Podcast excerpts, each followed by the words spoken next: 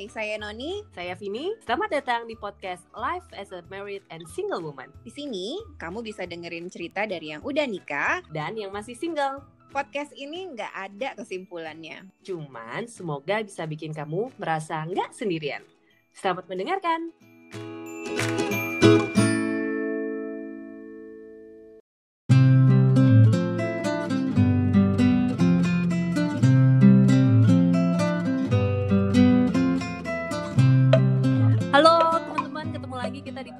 Single and Married bersama dengan saya Vini dan Mbak Noni. Hai Mbak Noni. Hai Vin, apa kabar? Baik, Mbak Noni sehat? Sehat, alhamdulillah. Yeay. Kamu juga ya? Iya, sehat. Untuk hari ini tamu kita adalah Jeng Jeng Ira. Hai, hai, halo Vini, halo Mbak Noni. Halo Ira. Hai, Ira. Ira, uh, apa kabar? Alhamdulillah baik, baik, sehat. Ira nih di Bandung apa di Jakarta ya? Di Bandung. Oh, di Bandung. Aku di Bandung tinggalnya. Mm -mm, Oke, okay. uh, eh, Mbak Noni untuk hari ini kita akan ngobrol dengan Ira dengan topik seputar apa Mbak?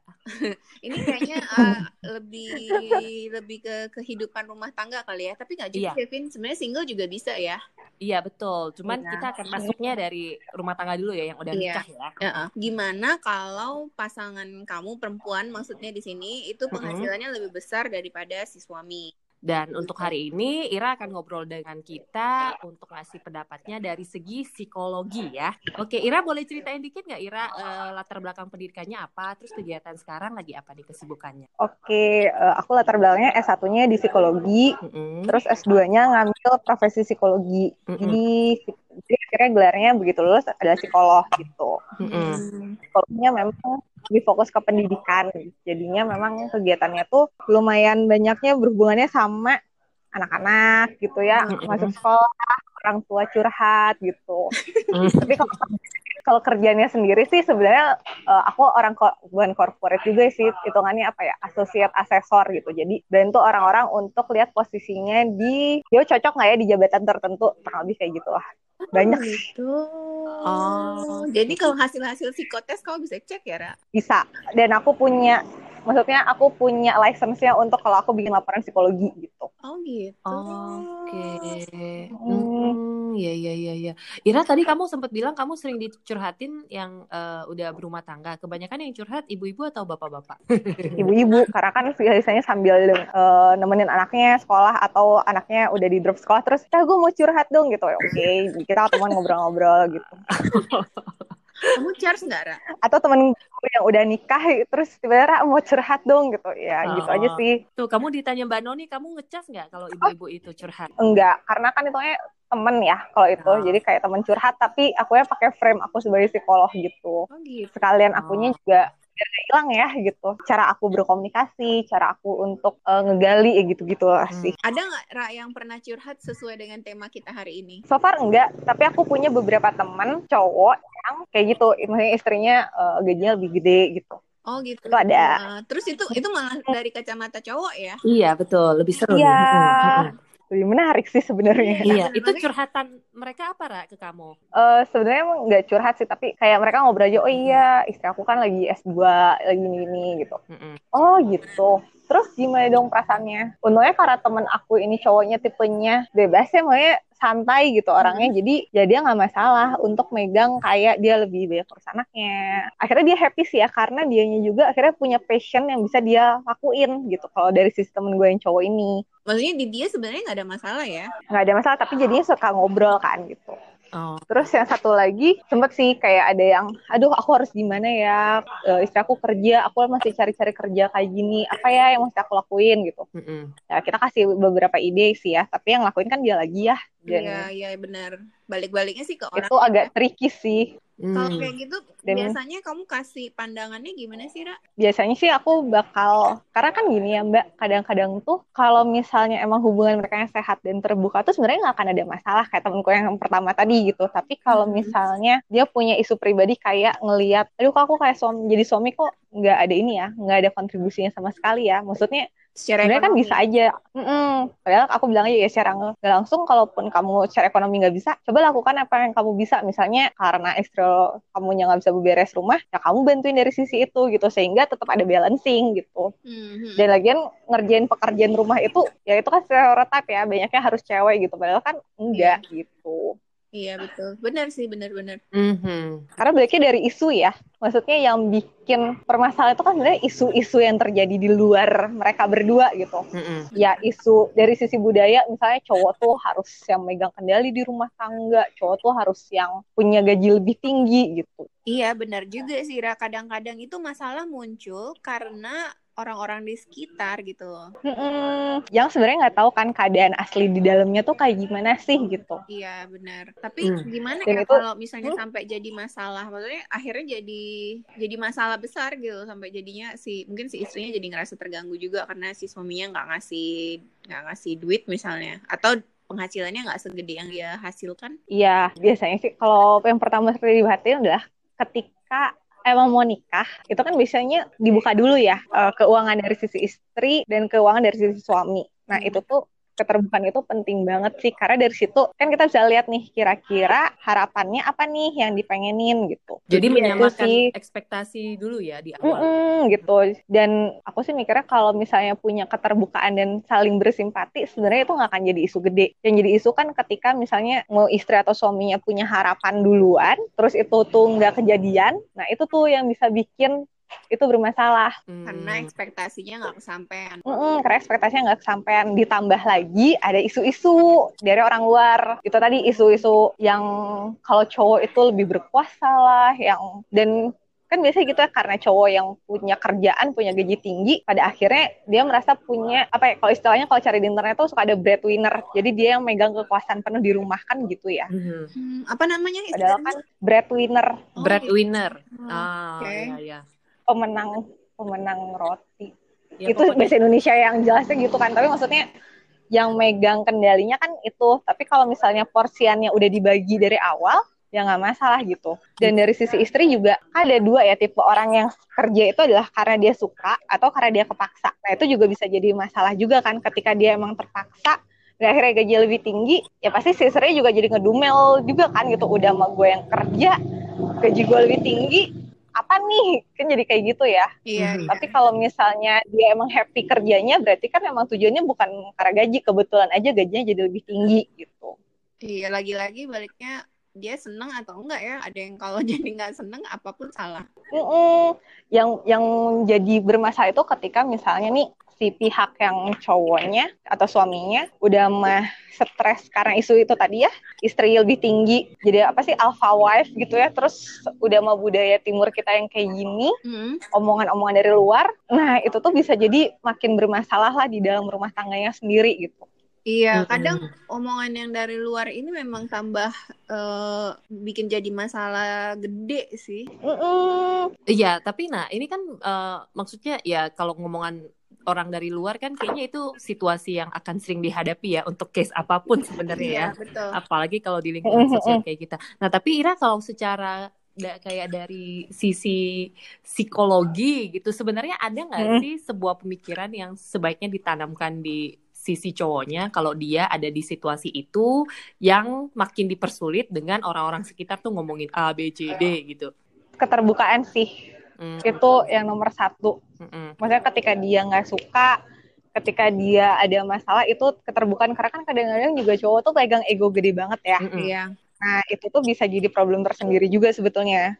Kalau misalnya ada keterbukaan yang satu mau nurunin ego yang satu mau nyimbangin egonya gitu ya baik itu suami atau istri dan mereka terbuka dengan hal itu sebenarnya nggak akan jadi masalah karena maksudnya tugas yang namanya tugas pengasuhan dan tugas rumah tangga itu kan bukan hanya milik istri ya. Kasarnya aku tuh suka bilang ya kalau misalnya punya anak kan bikinnya bareng-bareng asuhnya pun harusnya bareng-bareng dong gitu. Nggak bisa. Ya kan aku yang nyari duit ya udah kamu harusnya istri dong yang ngelakuin gitu. Nah nggak bisa kayak gitu sebenarnya. Karena anak-anak kan kalau dua-duanya ada perlu peran dua-duanya sebetulnya gitu. Hmm, itu kan situasi Jadi, idealnya Ra Mm -mm. Tapi kalau situasi yang nggak ideal gimana? Iya betul. Kalau situasi nggak ideal, jatuhnya yang terburuknya adalah bisa jadi baik istri ataupun suami mungkin ketika mereka tidak mendapatkan sim rasa simpati, rasa dihargai di dalam rumah bisa jadi awalnya perselingkuhan, bisa jadi. Oh, bisa oh. jadi ke situ ya. Atau uh, ini pendengar yang Mbak Noni sama Vini 20 tahun ke atas kan ya? Kayaknya sih iya. maksudnya gini, kadang-kadang hubungan seksualnya pun kadang-kadang bisa jadi masalah gitu karena ada masalah rendah diri lah, ada apa gitu. Nah itu tuh bisa jadi permasalahan juga gitu. Oh gila bisa ke mana-mana ya? Iya kan, maksudnya bisa jadi misalnya jadi nggak bergairah gitu ya di tempat tidur karena ngerasa rendah diri, yang satu ngerasa sebel, ya kan bisa jadi kan dan itu tuh eh, nggak e, sehat gitu. Eh Ira akan ngaruh ke ini nggak sih ke pola mendidik anak gitu? Bisa jadi, tapi sebenarnya kalau misalnya bapaknya misalnya jadi bapak rumah tangga dan dia happy di situ ngejalaninnya, sebenarnya itu nggak akan jadi problem. Yang jadi problem itu kan kalau misalnya state emosi kedua orang tuanya tuh lagi nggak bagus, nah itu bakal ngaruh banget ke anak-anak sebetulnya. Hmm itu yang kita nggak pengen terjadi gitu. Uh, ini sebelum sebelum lebih lanjut nih aku mau nanya mumpung uh? bareng Mbak Noni juga kan, kalau Mbak Noni dari pengalaman selama ini, maksudnya atau ngelihat lingkungan sekitar, sebenarnya permasalahan ini tuh memang banyak banget ya Mbak Noni ya?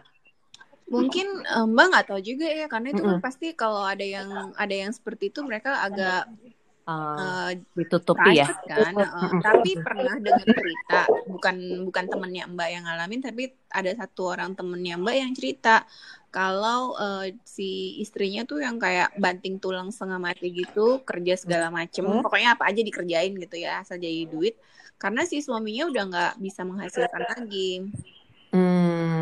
Gitu. Jadi katanya hmm. sih uh, bisnis suaminya itu bangkrut terus kayaknya dia udah uh, susah buat bangkit. Mungkin bukan susah tapi belum bisa bangkit lagi gitu. Jadi akhirnya istrinya yang kerja.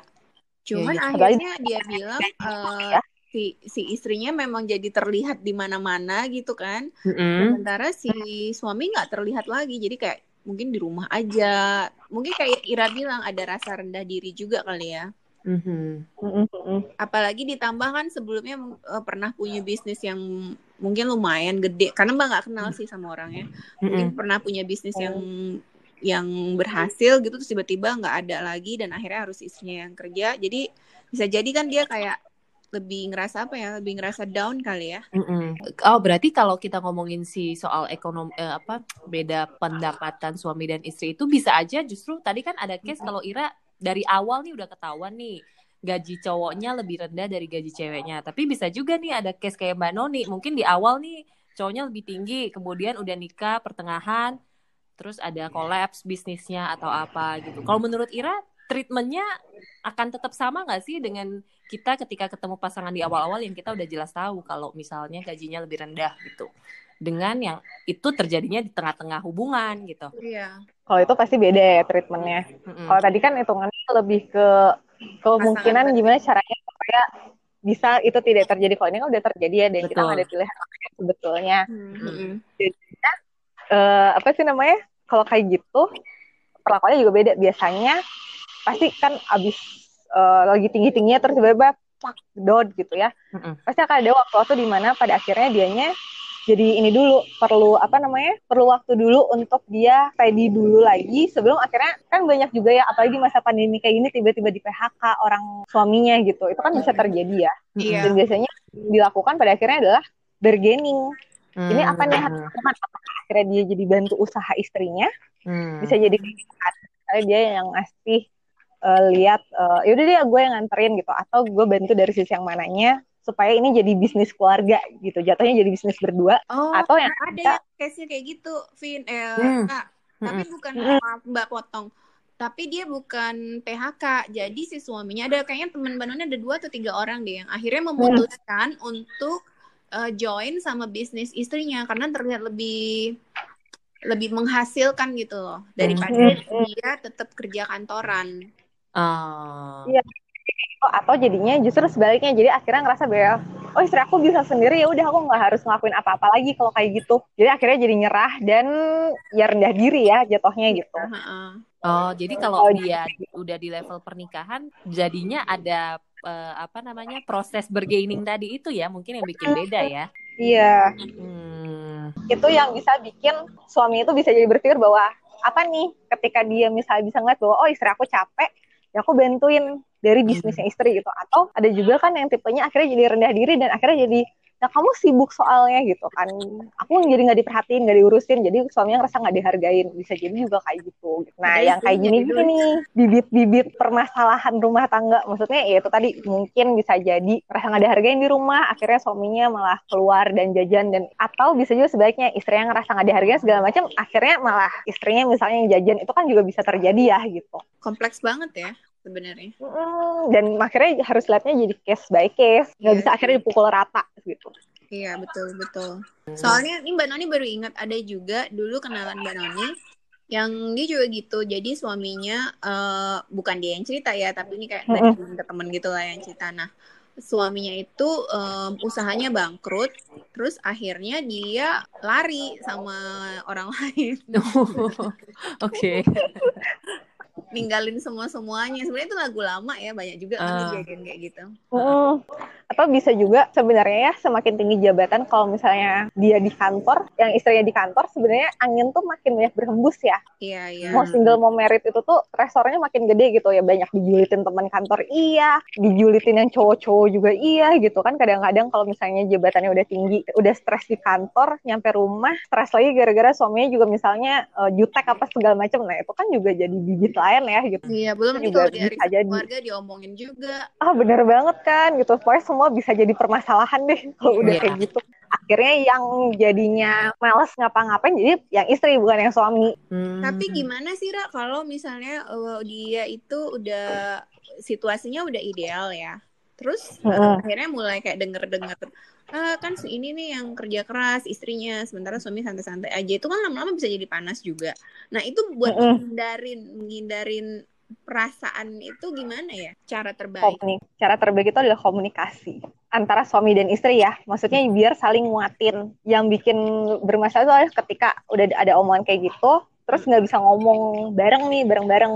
Dan akhirnya jadi lama-lama jadi masuk. Apalagi kalau itu misalnya teman segeng yang tiap arisan ketemu tiap bulan gitu. Kan makin yeah. panas dan dia nggak bisa cerita ke suaminya kalau misalnya ada omongan kayak gini. Mungkin maksud istrinya siapa tahu aja kan baik kan. Maksudnya biar nggak kepikiran suaminya atau gimana. Tapi yeah. justru yang kayak gitu tuh menurut aku perlu banget diobrolin supaya saling menguatkan sebetulnya. Kalau misalnya nih ini kan kita ngobrol-ngobrol di sini kan kita suka ngasih uh, apa?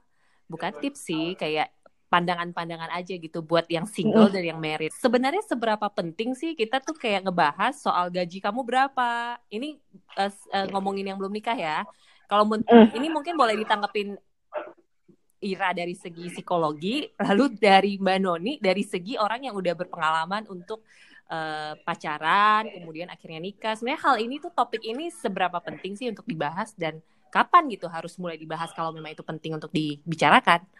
Siapa yang dijawab duluan? Uh, Mbak Noni dulu ya, baru nanti kita dengar yang teknisnya dari Ira.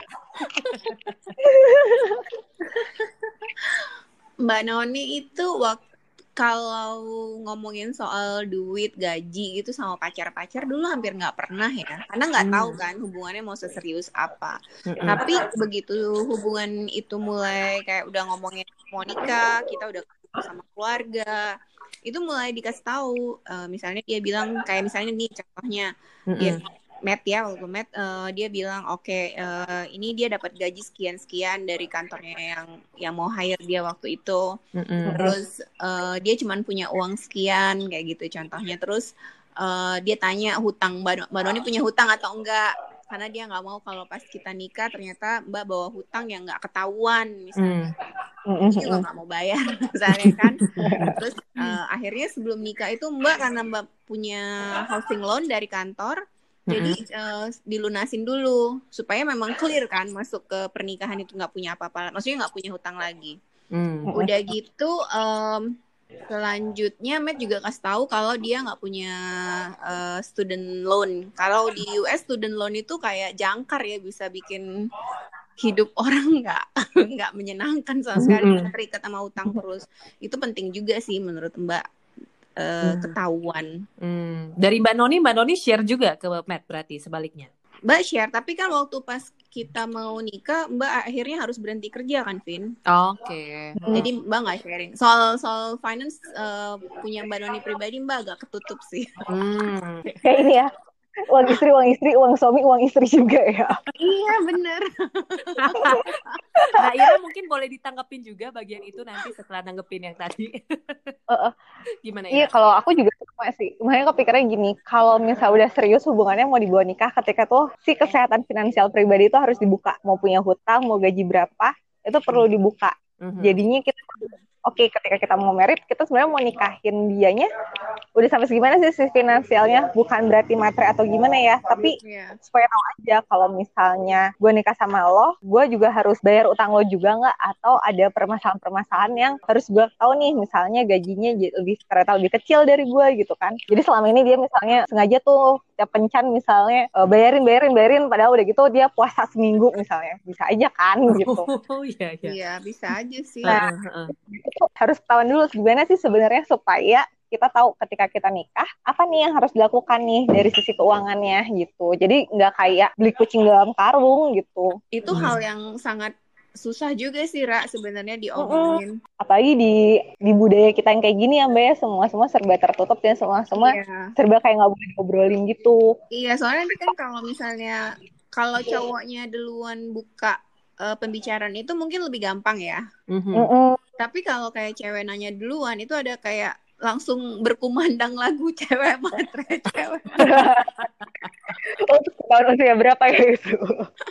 Padahal maksudnya nggak itu sih kan yeah. harus tahu kalau mau menikah ya. Iya gitu. Karena kan maksudnya kita menikah itu kan nggak hanya karena aku suka sama kamu dan kita akan hidup happy ending ever after kan nggak kayak gitu ya. Iya iya benar. Kita mau masuk gerbang bareng-bareng nih karena itu kita harus siapin segala alat perang yang kita punya nih kan gitu gitu. Iya mm. iya. Harus terbuka itu kalau bisa seterbuka mungkin itu bakal bagus banget. Baik itu dari sisi hubungan emosi gitu ya. Mm-hmm. uh, kesehatan gitu. Terus keuangan finansial. Kalau kata temen aku waktu pas kita lagi ngobrol-ngobrol soal-soal yang pranikah ini harus ngapain aja sih obrolannya. Bahkan maksudnya nah. ketika berhubungan pun kayak gimana modelnya maksudnya itu juga suatu yang harus diobrolin ya sebetulnya. Walaupun iya. agak-agak aduh risih banget sebenarnya. Boleh nggak nggak usah aja gitu. Hmm. Kayak itu Ra, kasus artis yang nggak jadi menikah sampai jadi rame banget. Kan si cowoknya dibilang jadi parasit. Siapa Mbak Siapa Mbak? Terus aku kayak tahu gitu artis ini. Ya. Mbak Noni tuh gosipnya banyak loh, Ira. Kita pasti Mbak Noni tahu banget sih gosipnya. Aduh, aku harus kayak nanya gosip ke Mbak Noni ya kalau kayak gitu. Itu kan gosip artis, aduh, kan seliweran di Instagram. Siapa? Siapa Mbak?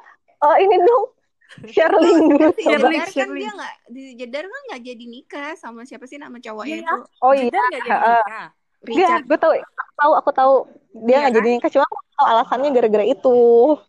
Nggak tahu itu kan insta, uh, insta isi instastory abangnya si Jedar. Jadi dia ada tulis lah si parasit parasitan gitu. Nah semua orang menduga si parasit itu adalah si cowoknya gitu loh. Oh, oh ya, menduga. Aku sama pilih yang beroria gitu. Oke. Okay.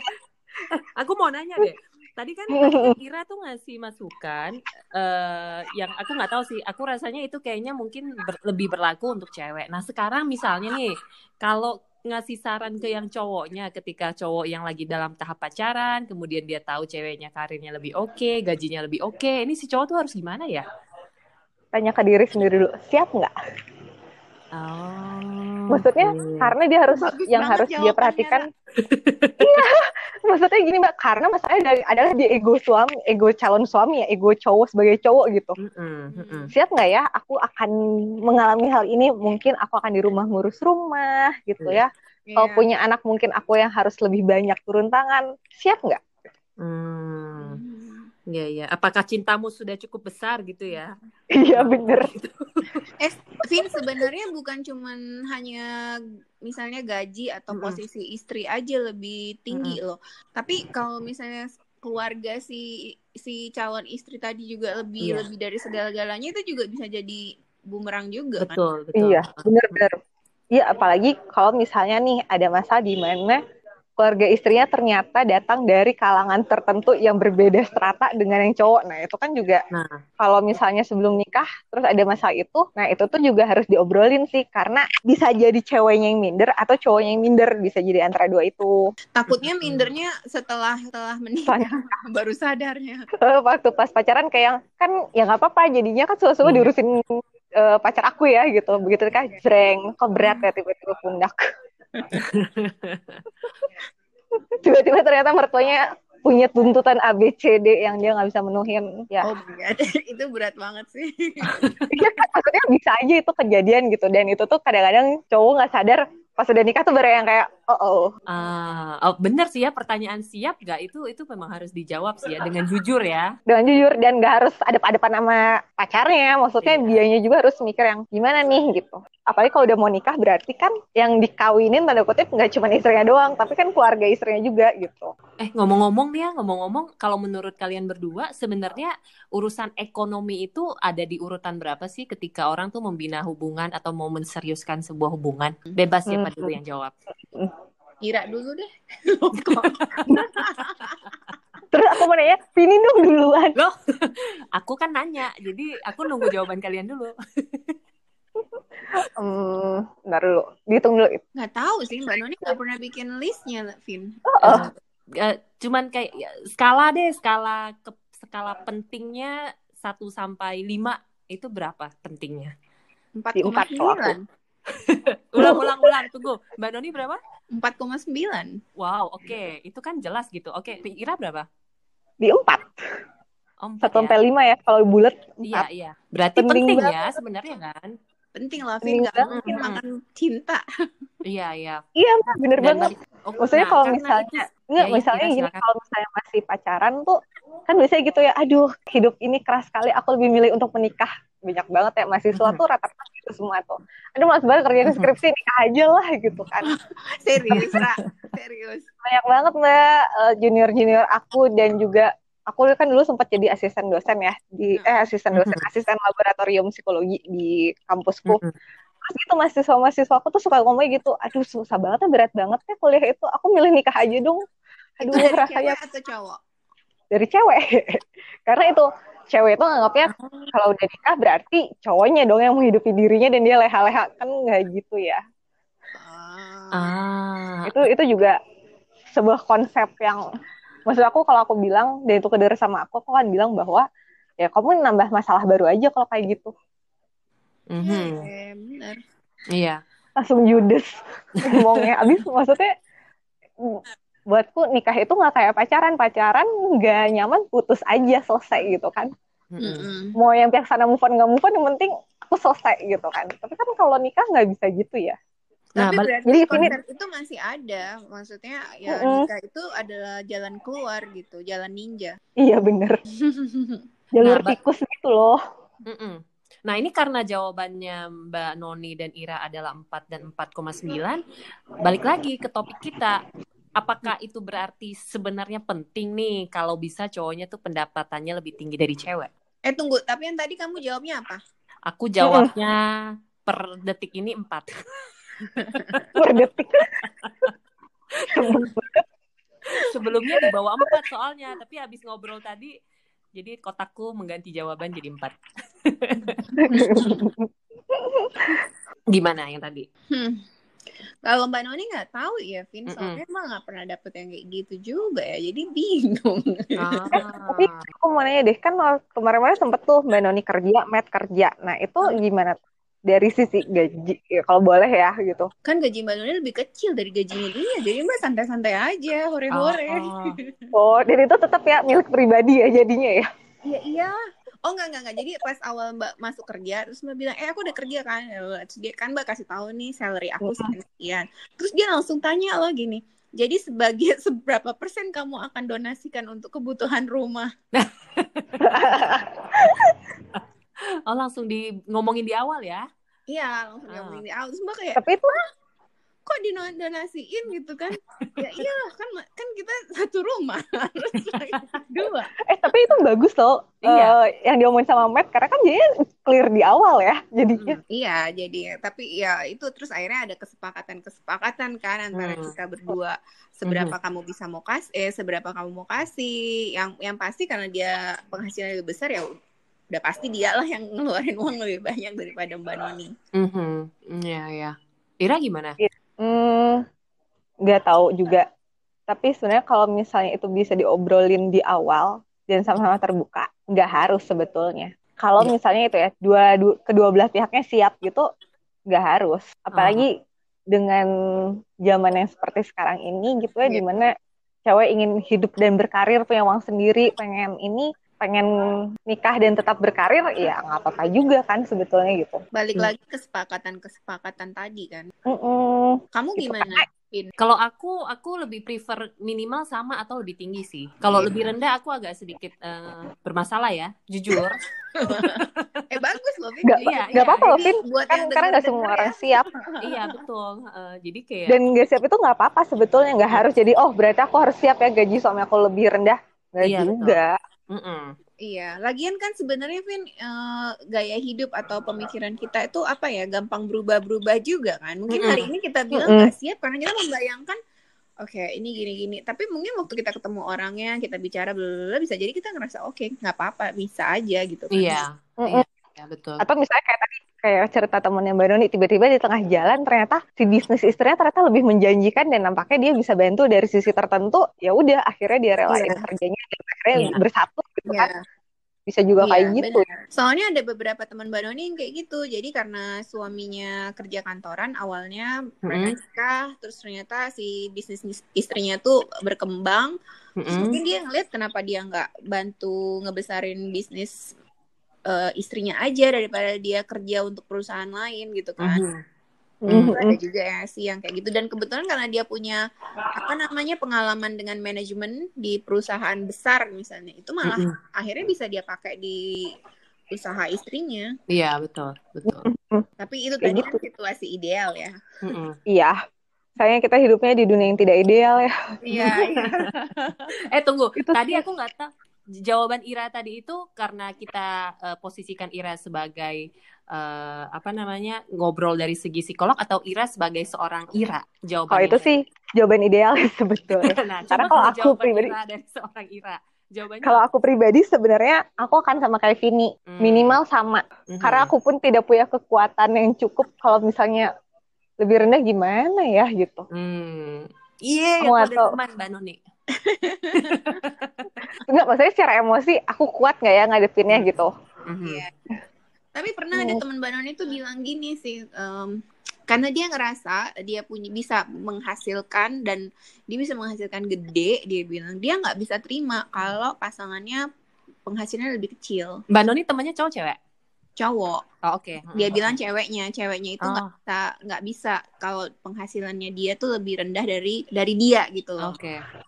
Kenapa? Karena nantinya waktu maksudnya dia dia tahu si cewek itu udah tahu dia akan jadi sombong banget. Maksudnya bukan jadi sombong oh. banget. Maksudnya dia sombong karena dia ngerasa dia bisa. Oh gitu. iya. Mm-hmm. Mm-hmm. Kayak dia punya kontrol ya. Kan aku punya duit lebih. Jadi ya udah kalau misalnya kamu nggak mau terima aku bisa sendiri. Akhirnya jadi kayak ah, gitu iya, kali iya, ya. iya, jadinya kayak gitu. Terus mbak mikir-mikir juga kadang-kadang mbak juga suka gitu sih dulu ya terutama. Mm -hmm. waktu pas mbak masih di Surabaya dulu ada sih rasa-rasa gitu-gitu juga sih mm -hmm. tapi mbak ya lupa-lupa inget lah ya. Mm -hmm. Mm -hmm. yeah. ya sih karena bisa jadi kayak yang ya udah kan aku punya penghasilan sendiri dan aku bisa beli ini kok. Ya udah kalau kamu nggak setuju ya udah aku beli aja sendiri. Bisa jadi kayak gitu ya. Iya makanya hmm. mungkin banyak cewek yang ngerasa ya udah aku harus dapet atau punya pasangan yang punya penghasilan sama atau sama lah gitu minimal ya supaya dia nggak ngerasa apa sih ngerasa superior dibandingin si suaminya. Hmm. Ya. Eh tapi aku juga ada loh teman yang dia dulu itu gajinya lebih tinggi daripada si suaminya gitu ya. Terus kata menurut dia ya nggak apa-apa sekarang mungkin giliran aku tapi mungkin suatu saat nanti giliran dia ya gajinya lebih tinggi sekarang kan lagi ngerintis usaha nih dulu hmm. sekarang saya mau kendaraan ya akhirnya suaminya emang lebih gede sekarang gajinya gitu tapi kalau misalnya bisa kayak gitu ya bisa aja ya kejadian gitu. Kalau misalnya yeah. si istrinya tahu bahwa oh ya suaminya lagi usaha kok dan ini nanti akan menghasilkan ya sabar aja dulu gitu. Ada juga kan yang tipe kayak gitu ya. Iya, itu baik banget sih istrinya, ideal banget. Million sih ya sebetulnya ya. Uh. Tapi kan maksud aku sekalian maksudnya ini kan banyak persepsi dan banyak kacamata dari berbagai pihak ya hitungannya gitu ya. Iya, benar, benar. Hmm. Eh kalau case-nya gini gimana ya? Suami istrinya sama-sama kerja, terus ini aku nggak tahu masih nyambung nggak sama topiknya. Tapi suaminya mungkin meminta istrinya untuk nggak kerja aja dengan alasan supaya udah gue cowok gue aja yang membiayai keluarga lo nggak usah gitu. Entah mungkin karena ada insecure ada banyak istrinya lebih berpotensi untuk cari kerjaan yang lebih bagus atau gimana? Itu banyak gak sih kasus gitu sebenarnya? Banyak, Vin Oh, okay. Banyak banget, Pin, kayak gitu. Itu itu gimana ya kalau misalnya kita taruhlah mungkin dihadapkan pada situasi itu atau kita dengar orang tuh curhat sama kita soal itu, kita harus ngasih masukannya apa? Ke cewek nih. Kalau manual itu ya tergantung orang. Ada orang yang ngerasa dia memang harus kerja karena dia mm -hmm. senang kerja. Mm -hmm. Ada yang ngerasa jadi dia kerja itu bukan bukan nyari duit gitu mm -hmm. ya maksudnya terima duit seneng lah ya bohong banget kalau iya ya iya. yang kita kalau mbak kerja itu yang mbak tunggu-tunggu adalah makan siang jam pulang dan tanggal 24 jelas banget ya tapi ada juga yang kayak teman mbak Noni juga dia nggak mau disuruh suaminya berhenti kerja karena dia suka jadi dia bukan mm. cuma karena butuh mungkin kalau butuh beda ya iya iya betul kalau dia nggak butuh itu jadi kayak punya pilihan kan mau atau enggak gitu. Mm -hmm. Terus yeah. ada juga yang ngerasa oh ya udah kalau gitu karena suaminya bilang mungkin aku bisa kasih seberapa dia seberapa perusahaannya bayar dia gitu. Betul, ya, ya. Nah, akhirnya dia putusin ada juga yang berhenti kerja terus akhirnya usaha di rumah jadi bisa jagain anaknya gitu. Oh. Padahal banyak lah ya tergantung pasangan-pasangan sih. Iya. Hmm aku jadi inget temanku ada yang kayak gitu loh Mbak Noni. Jadi waktu pas awal nikah si temanku ini kan perempuannya dia masih kerja, suaminya masih kerja. Terus di satu titik uh, suaminya bilang gitu, boleh nggak kamu berhenti kerja aja? Jadi kamu bisa fokus di rumah dan ya terserah kamu ngerjain apa gitu. Terus istri gitu ngasih syaratnya, boleh, tapi asal gaji kamu uh, jadi dua kali lipat dari gaji aku sekarang gitu. Eh, terus kejadian deh, ya udah berhenti. Eh tapi kalau dari kacamata psikologi sebenarnya sebagai seorang cewek apa sih hal yang harus paling kita pertimbangkan gitu sebelum kita mutusin kita harus ngikut apa enggak?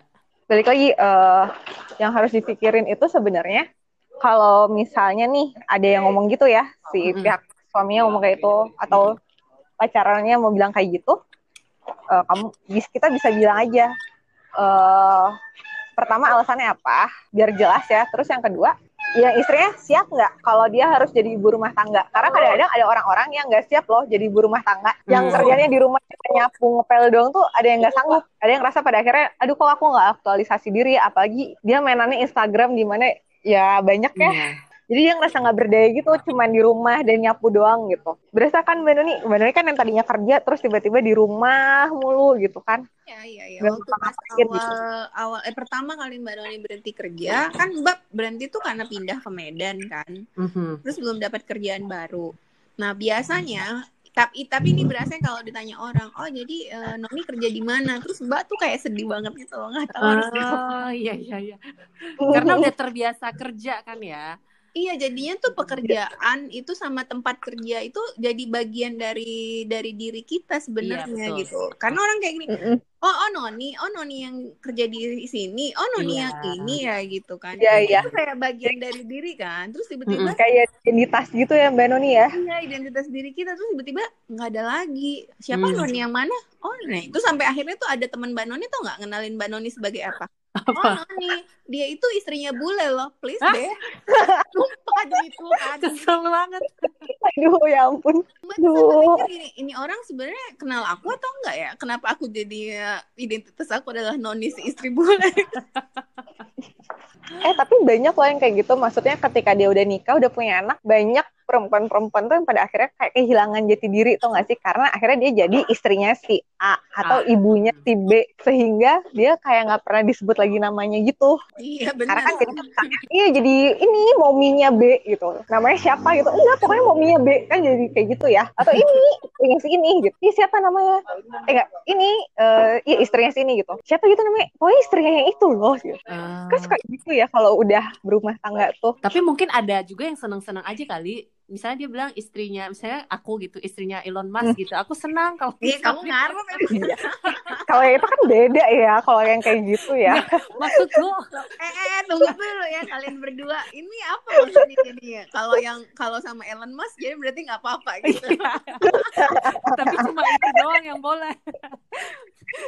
Ya kan maksudnya kayak misalnya nih Mbak Noni dikenal sebagai itu loh istrinya Matt terus namanya siapa? Aduh siapa ya? Pokoknya istrinya Matt deh yang kerja di situ suaminya kan males banget yang kayak gitu iya. tuh gitu iya nggak suka.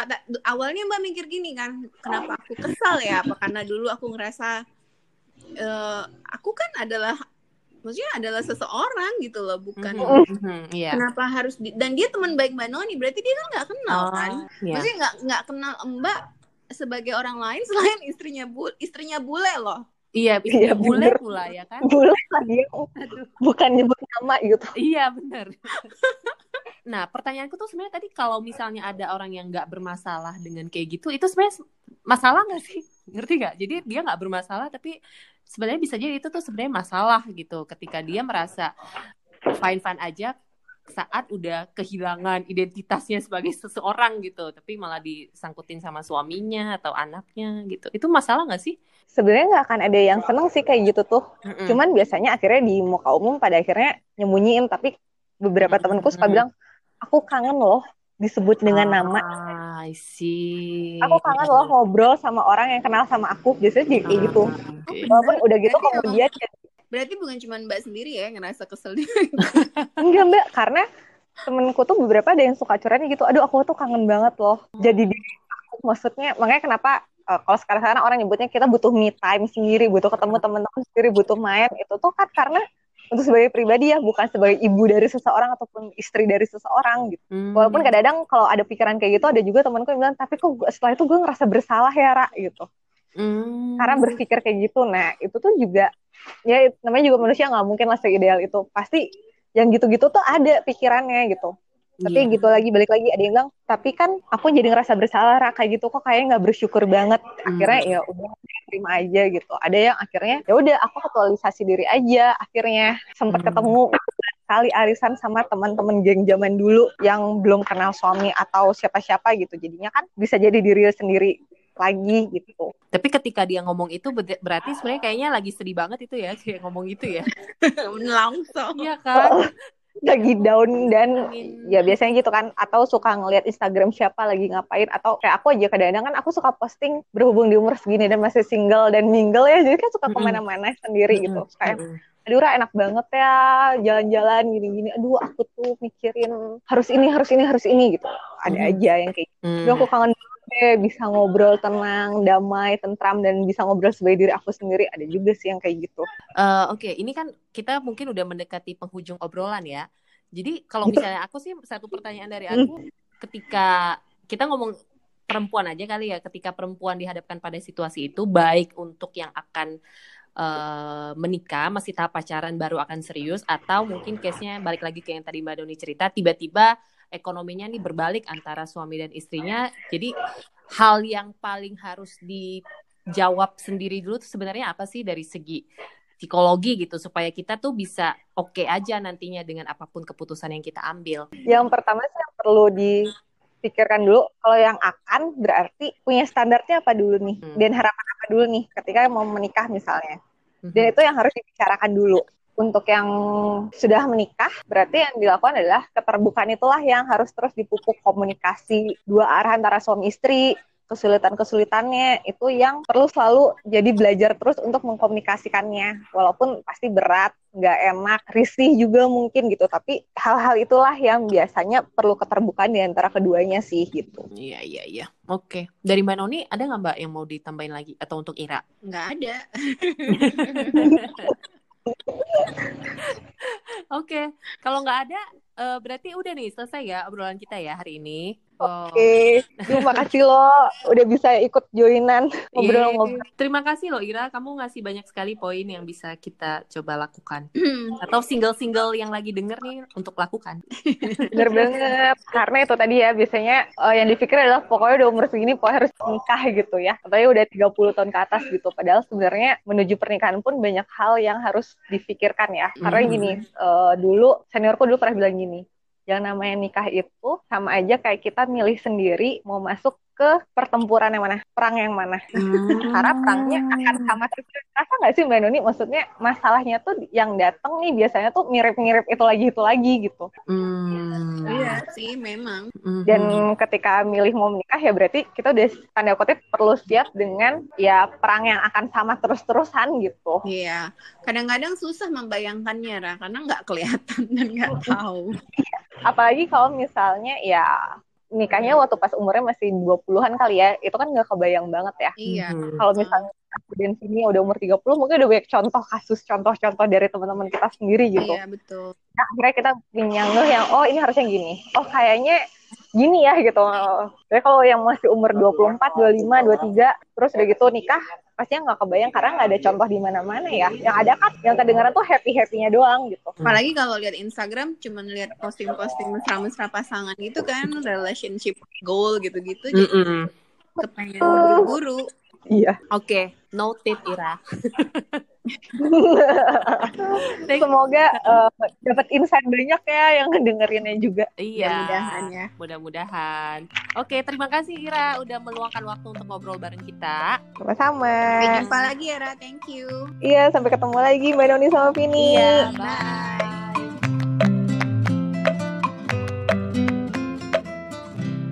Oke, itu dia tadi obrolan kita bertiga dengan Ira. Semoga yang dengerin kita tadi seperti kata Ira ya bisa dapat pencerahan kalau memang kebetulan punya masalah yang sama. Betul. Terus kalau yang single mungkin bisa jadi kayak oh ya ya ya ya yang tadinya nggak dilakukan bisa dilakukan ya. Iya setuju karena tadi banyak hal-hal yang kayaknya kita nggak kepikiran kadang gitu kalau lagi indah-indahnya gitu kan. Tadi dikasih mm -hmm. tuh banyak kenyataan-kenyataan pahit yang harus diketahui dulu. Iya, apalagi iya. kan biasanya kalau pacaran itu sering kepikirannya ya udahlah nanti lagi masalah itu mm -hmm. nanti aja dipikirinnya gitu. Iya. sebenarnya nggak boleh loh. Mm -hmm. Mm -hmm. Iya iya iya. Tuh dengar tuh ya teman-teman dari Mbak Noni dan dari Ira. Teman-temannya Vini dong yang banyak tinggal nih. Oke, okay. terima kasih ya untuk kamu semua yang udah dengerin. Eh iya, kita jangan lupa ya follow podcast kita, podcast single dan merit supaya tiap minggu terima postingan baru dari uh, podcast kita. Iya, dan follow juga kita di Instagram. Mm -hmm. Single Merit Podcast. Iya. Terima kasih, sampai jumpa. Bye.